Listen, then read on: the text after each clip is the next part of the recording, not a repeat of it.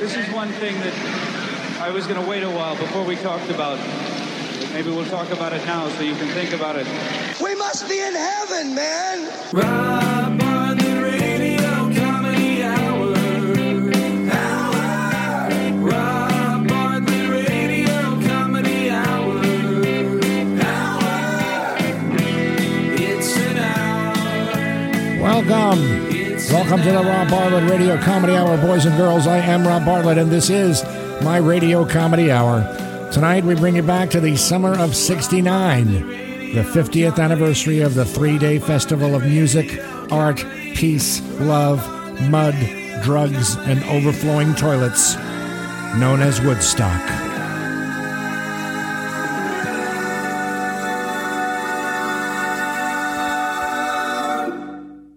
So they say if you remember Woodstock, you weren't there.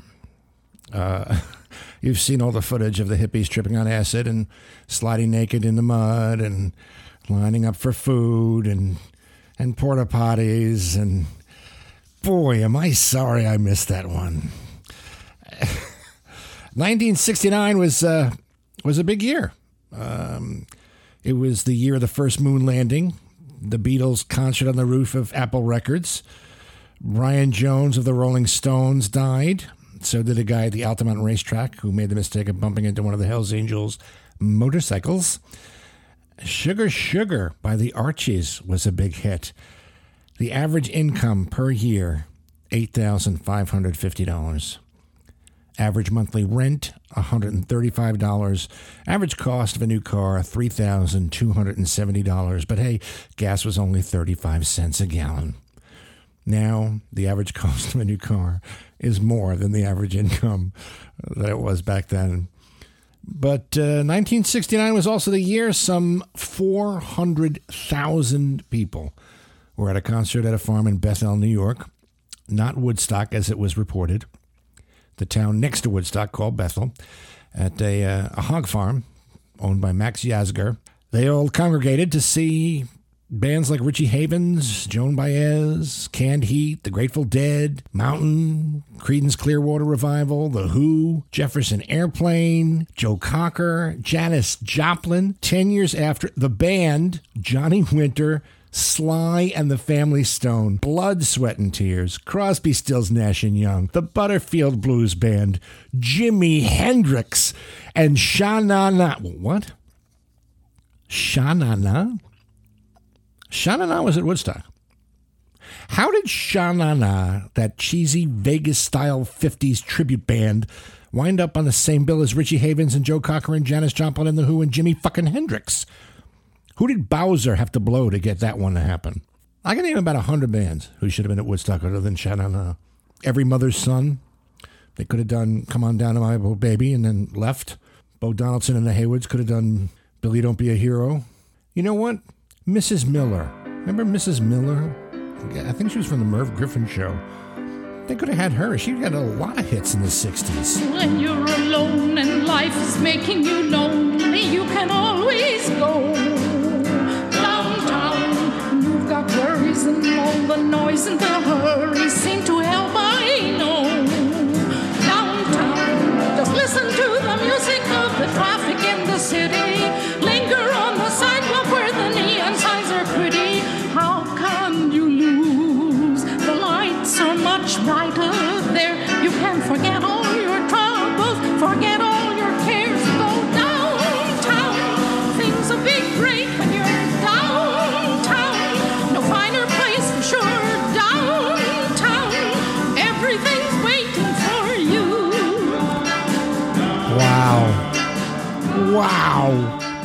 You know what that is, boys and girls?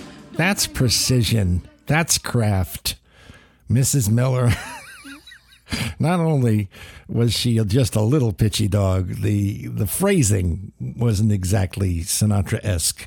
Uh, I think you would agree, but she might as well have been on the bill uh, because there were two bands, Quill and the Keith Hartley Band, who were also there, but nobody knows about them because they weren't in the movie or on the record, and anyone who was there obviously wouldn't remember them. Keith Hartley, by the way, was a drummer. Little fun fact about Keith Hartley. he was Ringo's replacement in Rory Storm and the Hurricanes when Ringo moved over to the Beatles.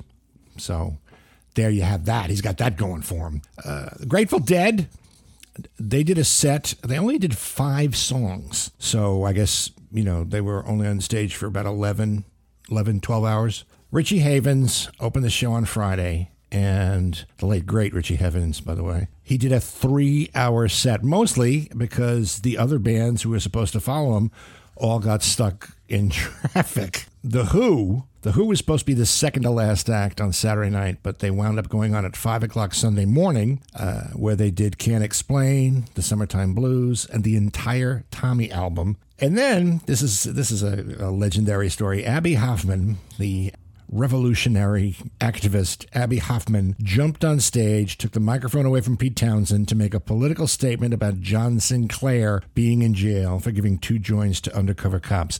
John Sinclair, by the way, who is the manager of the MC5. Now, Pete Townshend, who is known for his patience, tolerance, and respectful treatment of his fellow man, apparently um, smacked Abbie in the back of the head with his guitar and knocked him off the stage.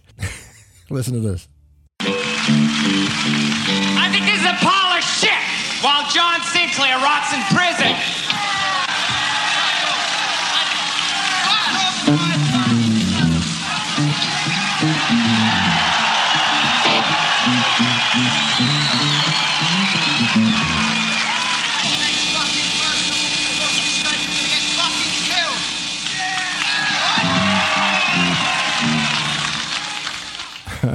That's that's just one of my favorites. You can hear Townshend say, "Get the fuck off my fucking stage!" And then right after he crowns Hoffman with the back of his Gibson SG Special, you can hear the crowd go wild. And then he says, "The next fucking person that crosses the stage is gonna get fucking killed."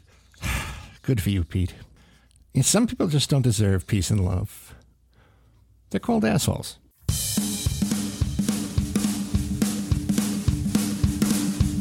Before I forget, uh, I got to do a spot here. Um, did you know that one out of every 10 Americans live alone?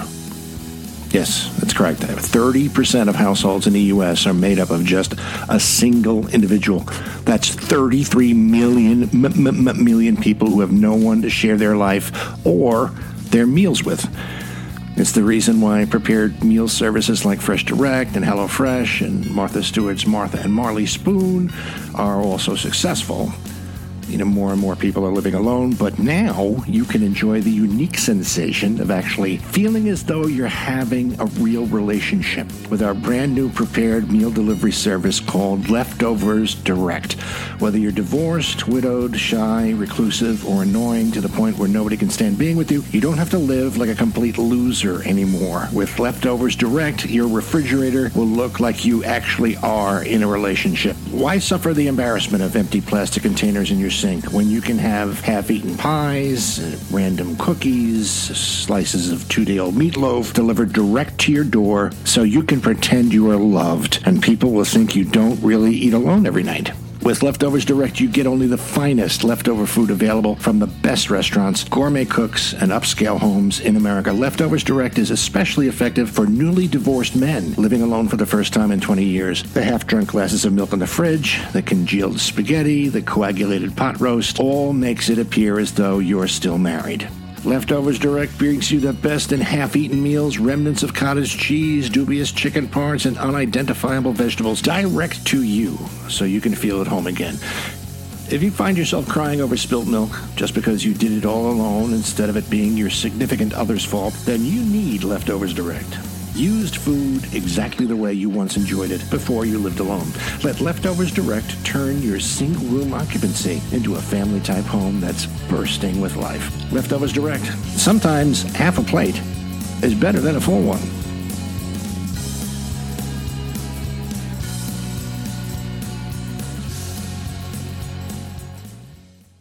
Stage announcements were some of the best parts of the show. My favorite, actually. There's a lot of them online. Some of them are actually in the movie and on the uh, on the record. John Morris, who was the production coordinator for the show, he did them along with Chip Monck. I'm not kidding. That's the guy's name, Chip Monck. He was the MC. John Morris is the one who made the famous Woodstock announcement. Uh, to get back to the uh, the warning that I've received, you may take it with how many, however many grains of salt you wish. That the brown acid that is circulating around us is not specifically too good. Uh, it's suggested that you do stay away from that. Of course, it's your own trip, so be my guest. But uh, please be advised that there is a warning on that one. Okay. He also uh, made the announcement Elliot from Harvard, the hitchhikers you met need the pills from your car. I I couldn't find that one, uh, but I did find this one. There is a little boy whose name is Nikki. A young man by the name of Nikki, whose mother is Sunshine. She is waiting for you. She is looking for you at the first aid tent. Of course, that message was handed to Morris the first day of the show, uh, but he didn't really get around to reading it until after Hendrix played, who, by the way, was the last person to play as people were packing up and leaving. My favorite part of that is that Nikki's mother is named Sunshine. Of course, she's named Sunshine. Of course. It's 1969. It's a free concert from now on.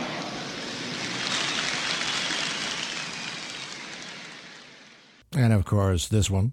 But this is, each one of you is a piece of this thing. It's been that way for a long time. I don't know what started, I don't know how, how it got going. Not four producers or 30 acts or anything else. It's all you funny people.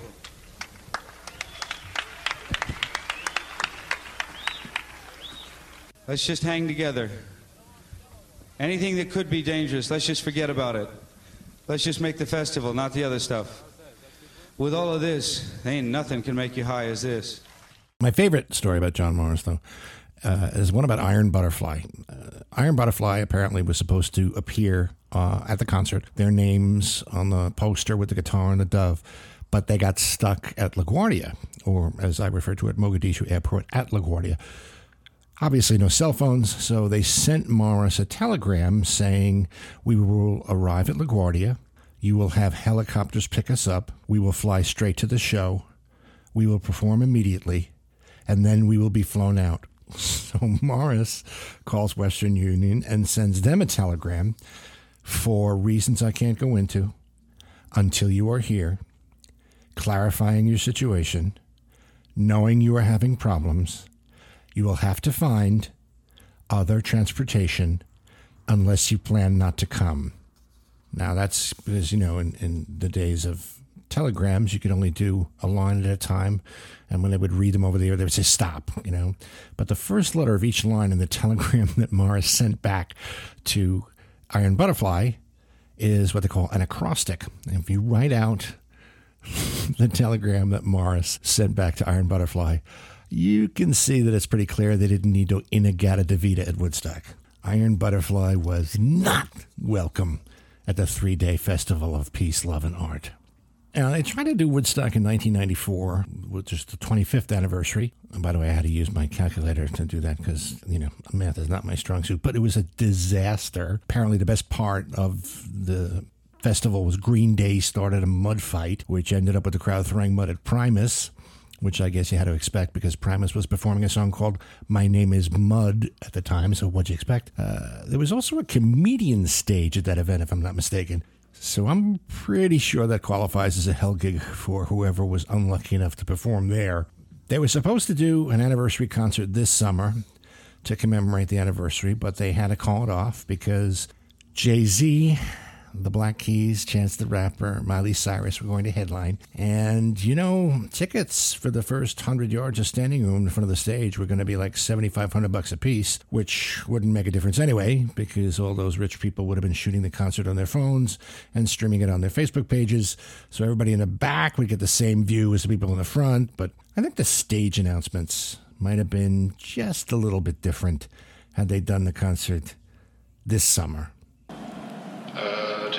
To the uh, warning I received, you can take it with however many grains of salt you wish.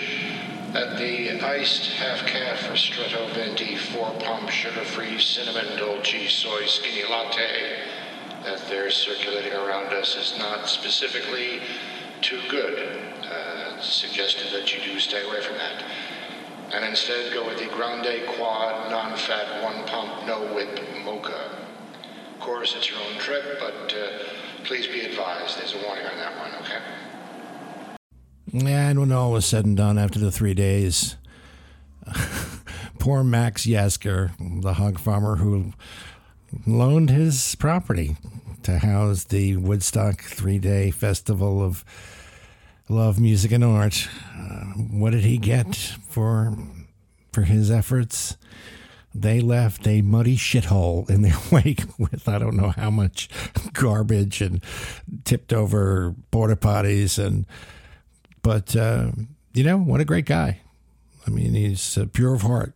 The I mean, listen to this. This is this is what he said to the crowd. I think you people have proven something to the world that a half a million young people can get together and have three days of fun and music and have nothing but fun and music. And I God bless you for it.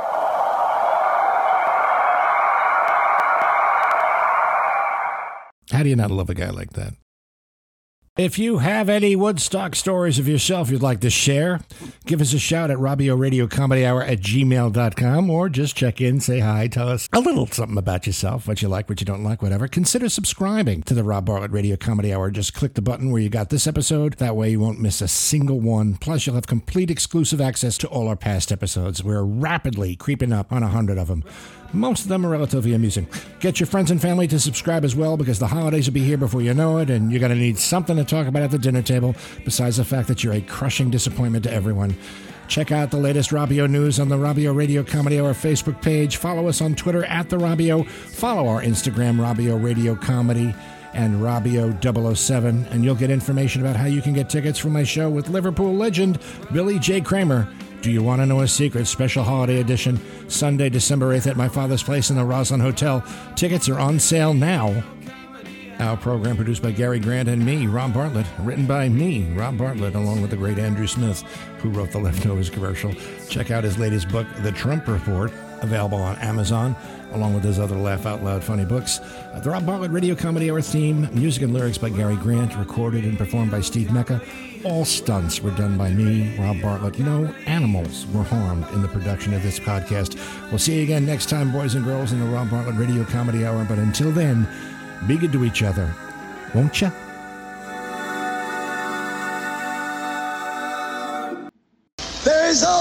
Little bit of heaven in a disaster area.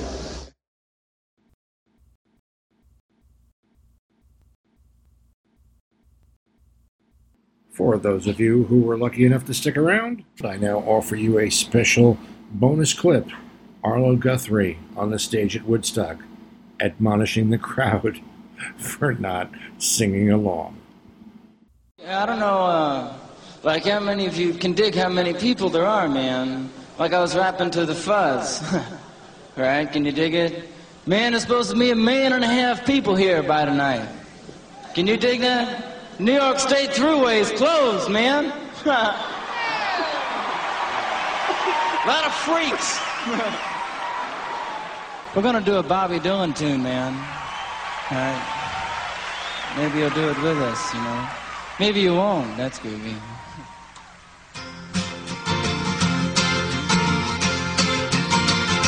A walking down the line. Walking down the line. Walking down the line. Feet will be flying to tell you about my troubled mind. That, you know, that's.